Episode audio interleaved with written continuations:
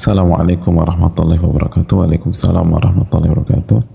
Izin bertanya Ustadz, bagaimana kiat untuk membangkitkan kembali sholat malam yang beberapa bulan belakang ini tidak pernah lagi saya kerjakan? Berawal dari futur yang tidak saya sikapi tetap mendekatkan diri kepada Allah, yang pada akhirnya saya sudah sangat jarang menjalankan sunnah.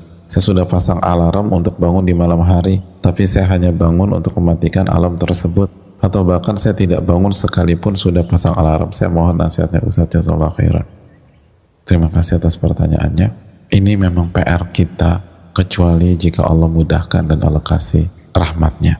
Di antara nasihat dari para ulama kita adalah perbanyak istighfar, perbanyak taubat, dan jaga aktivitas kita di waktu siang. Karena dosa kita sebelum kita tidur, maksudnya pada saat kita beraktivitas di hari itu, itu mempengaruhi kemampuan kita untuk kiamulain dan tahajud. Kecuali kalau ada faktor lain ya, kecuali karena sakit atau pengobatan. Pengobatan dia harus tidur dalam waktu jam tertentu. Bukan karena dia nggak bisa. Dan dia pun akan memaksimalkan waktu yang ada. Maka perbaiki dengan istighfar.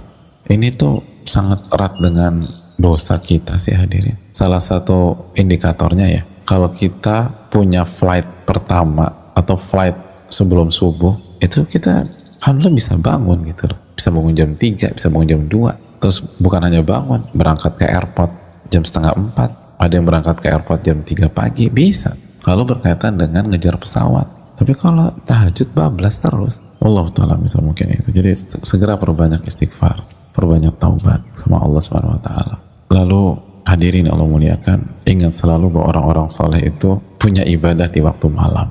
Jadi itu yang nggak boleh kita lupakan dan sebaik-baik sholat setelah sholat wajib itu sholat malam.